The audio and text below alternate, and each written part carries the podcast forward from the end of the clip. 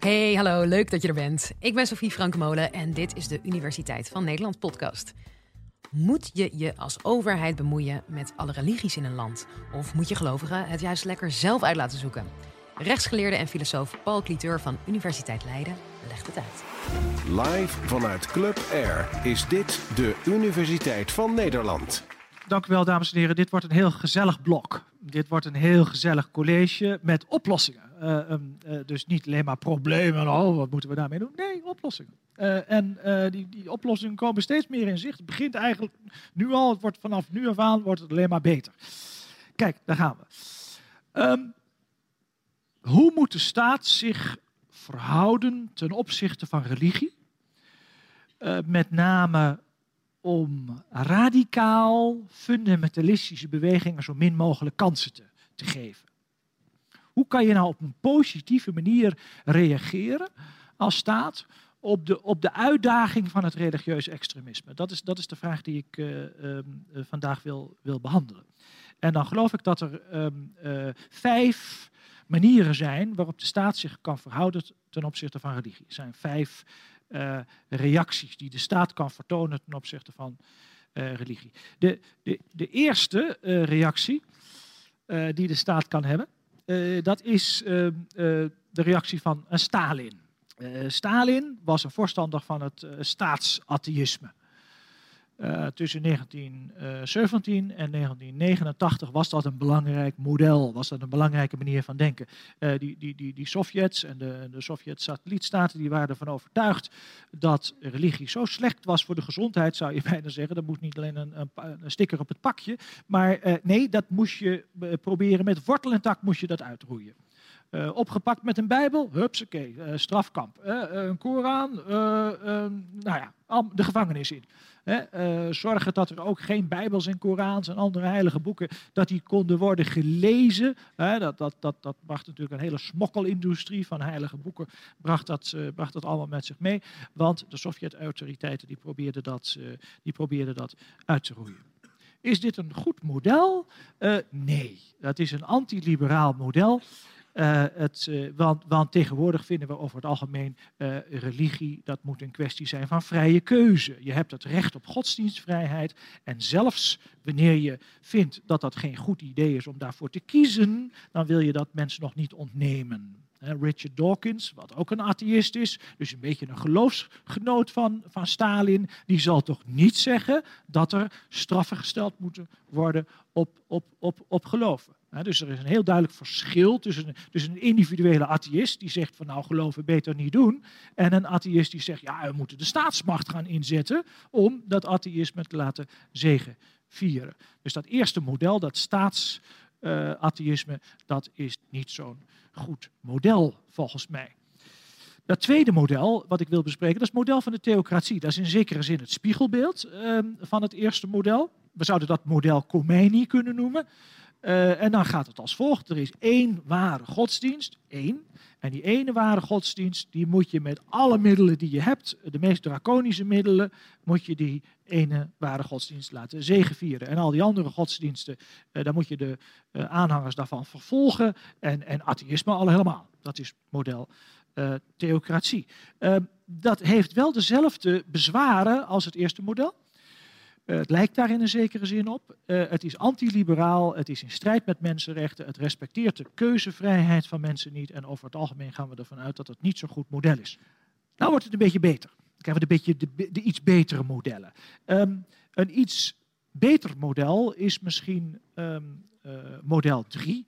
Ja, dat, is, um, dat zou je het, het, idee van de staatsgodsdienst kunnen noemen. Dat is met name is dat, bekend geworden, denk ik, door Hendrik VIII. Die brak met de kerk van Rome op een bepaald moment. Die kerk van Rome die vond dat hij niet mocht, uh, dat hij niet mocht, mocht, mocht scheiden en, en hertrouwen, want daar is de katholieke kerk tegen. Dat paste niet goed in de, in de politiek van, van Hendrik VIII, want die moest mannelijk nageslacht hebben. En eigenlijk was dus die, die, die die, die, die, die, Vaticaanse politiek die verhield zich uh, slecht ten opzichte van het erfelijk koningschap. Was gewoon een bepaalde tegenstelling daartussen. En um, Hendrik Tassen die kiest dan natuurlijk voor zijn, voor zijn nationale politiek. Ja, en waarom zou je dan ook niet een eigen kerk maken? Hè? Toch? Dan breek je, van, breek je met de kerk van Rome, dan Ehm, richt je een eigen uh, kerk op, de Anglikaanse kerk. Dan pak je een paar van die, van die geestelijken, dan dicteer je ze wat geloofsleerstukken. Want als je dat niet doet, dan blijven ze eindeloos ruzieën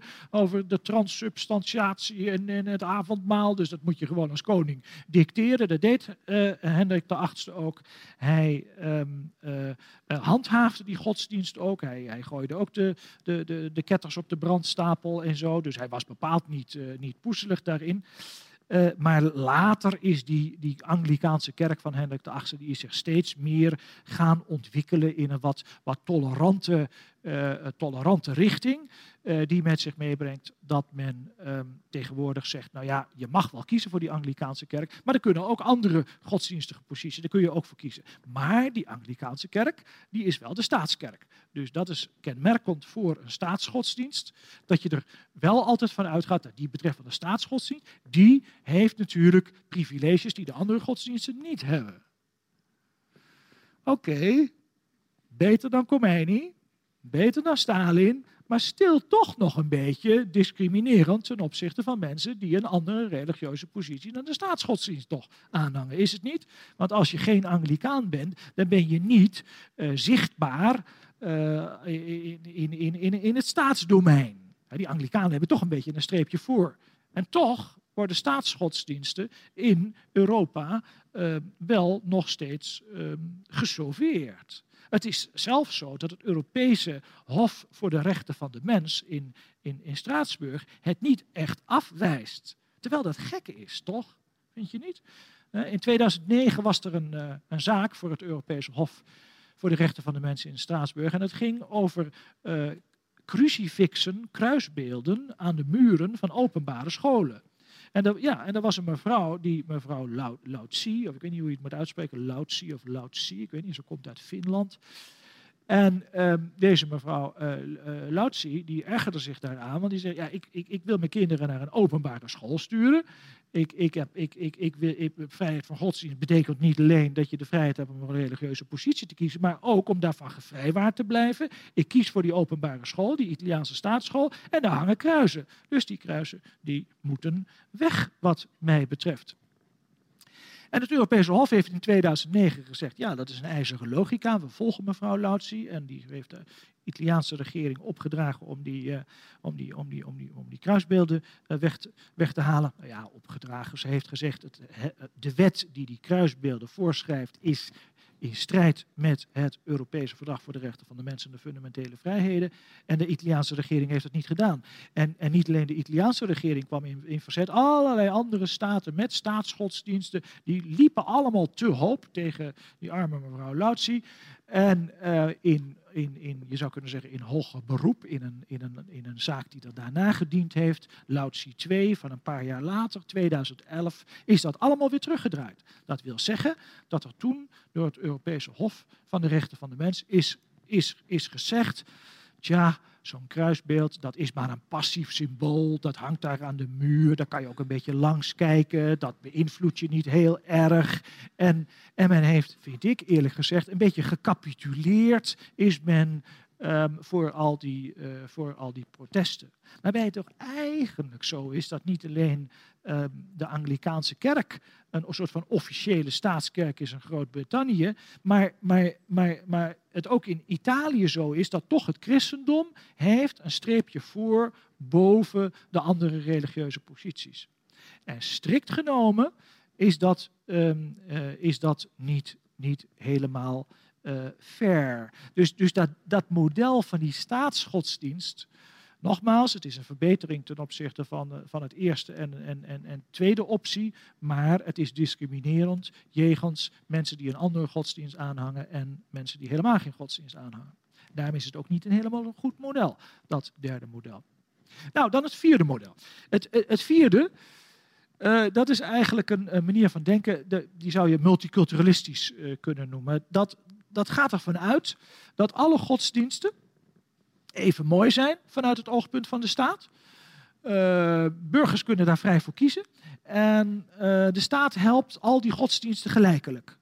Dus als de protestanten een beetje subsidie krijgen, dan krijgen de katholieken ook een beetje subsidie. En en en de hindoes krijgen een beetje subsidie. En en, en, en, en, en, en, en Joodse godsdienst wordt een beetje gesubsidieerd. Al die godsdiensten die worden op voet van gelijkheid worden die, gesubsidieerd beetje beter dan het vorige model. Hè? Ik zei u al aan het begin, het wordt allemaal steeds leuker. Je denkt nu, nou, is weer een stapje vooruit eigenlijk. Toch? Ja, vind ik wel. Ik, ik vind het een beetje beter weer dan de staatsgodsdienst. Want nu mogen al die religieuze posities, die, die, die uh, hebben voordelen van, van staatsondersteuning. Behalve de niet-gelovigen, ja. 50% van de Europese bevolking die zegt, ja, maar we geloven eigenlijk helemaal niet. De secularisatie is, is ver voortgeschreden in Europa. Niet in andere delen van de wereld, maar wel in Europa. En, en bovendien roept het ook de praktische vragen op het multiculturele model. Ja, wat, wat moet je met, met al die verschillende religieuze stromingen? De, de, de pluriformiteit is eindeloos. Moet je de mormonen gaan subsidiëren en de Scientology-kerk en de hekserij en de Satanskerk? Ja, ze komen wel allemaal met claims natuurlijk. Hè? Het is natuurlijk de logica van het systeem is gelijke behandeling. Dus ook de Satanskerk die dient een claim in. En, en die worden dus ook gehonoreerd door rechtelijke instanties, die het ook allemaal niet weten. Die zeggen, ja, ja, hoe moeten we gaan onderscheiden tussen al die kerken? Daar moeten we niet intreden. Dus dat betekent eigenlijk allemaal subsidie en allemaal staatsondersteuning. En ja, dat is dan toch ook niet een ideaal model. Althans, ik heb het idee dat er nog iets beters te bedenken valt. Natuurlijk. Ik zei, het wordt steeds mooier. En nou ja, zou het dan niet een idee kunnen zijn om te zeggen, eigenlijk moet je helemaal stoppen met elke vorm van ondersteuning en positiebepaling van de staat ten opzichte van godsdienst? Zou je niet een religieus neutrale staat kunnen hebben? Een staat die gewoon ehm, zegt, wij staan op het standpunt van de eigen wetgeving, van onze eigen grondwet, van de grondrechten die we in verdragen hebben neergelegd, maar we geven op geen enkele manier geven we ondersteuning aan godsdienst. We zijn niet voor die godsdienst en we zijn niet tegen die godsdienst. Nou, dat is eigenlijk uh, de, de ambitie van het, van het Franse model. Uh, je zou het de agnostische staat kunnen noemen. Hè, dat de staat zelf zegt, ja, ik, ik, ik, ik neem geen, geen, nee, geen positie in, of de religieus neutrale staat. Maar in ieder geval, um, is hiervoor kenmerkend dat je als uitgangspunt neemt, uh, dat doen dan de Fransen, de Déclaration des droits de l'homme et du citoyen. Dat is typisch Frans uh, uh, juridisch en moreel gedachtegoed. Dat is het uitgangspunt. En op geen enkele wijze laten we als staat een voorkeur voor deze of gene godsdienst laten wij doorklinken. Dus ehm, geen officiële staatsondersteuning. En nou zou het wel eens kunnen zijn dat dit model, dat Franse model, um, niet typisch Frans is, is mijn speculatie. Maar dat als de religieuze pluriformiteit gaat toenemen, er komen steeds meer, meer, meer, meer uh, godsdiensten op het grondgebied van de staat. In combinatie met het feit dat je ook mag kiezen om, om niet mee te doen met godsdienst, dus dat de secularisatie ook verder toeneemt. En dat alles nog onder de bescherming van de rechten van de mens, van de vrije keuze. Dat zijn eigenlijk drie trends die ik onderken. Dus enerzijds religieuze pluriformiteit, anderzijds uh, secularisatie, ontkerkelijking en dat alles onder de, onder de, onder de uh, bescherming van de grondrechten. Dan zou het volgens mij wel eens kunnen zijn dat die religieus neutrale staat wat nu nog wordt geassocieerd met een typisch Frans model, dat dat uh, over 10, 20, 30, 40, 50 jaar het model zal zijn waar de meesten zich in uh, zullen herkennen. En ja, en ja, dat geef ik toe. Dat betekent natuurlijk ook dat overheidsdienaren uh, dat die zich religieus neutraal moeten presenteren.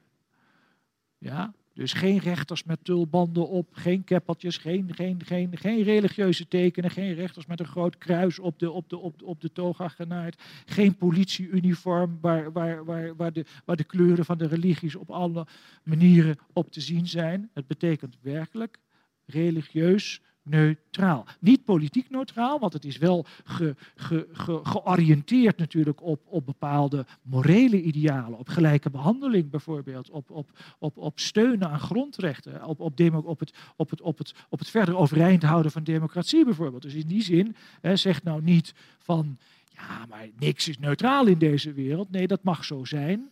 Maar het is misschien wel mogelijk om iets te vinden dat religieus neutraal is. En dan zou het wel eens kunnen zijn dat dat vijfde model, zoals ik u had beloofd aan het begin van dit blok, dat dit zal, zich zal ontpoppen als misschien de beste, als, beste, als de beste manier om mensen van verschillende achtergrond toch vreedzaam met elkaar uh, te laten uh, samenleven.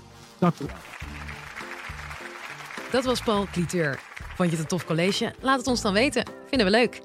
En ben of ken jij nou een wetenschapper die je hier graag een keer zou horen? Mail ons dan je tips. Dat kan naar podcast.universiteitvannederland.nl. In de volgende aflevering hebben we het over waarom bananen krom zijn. Nee grapje. We hebben het erover waarom bananen straks misschien wel uitgestorven zijn. Tot dan!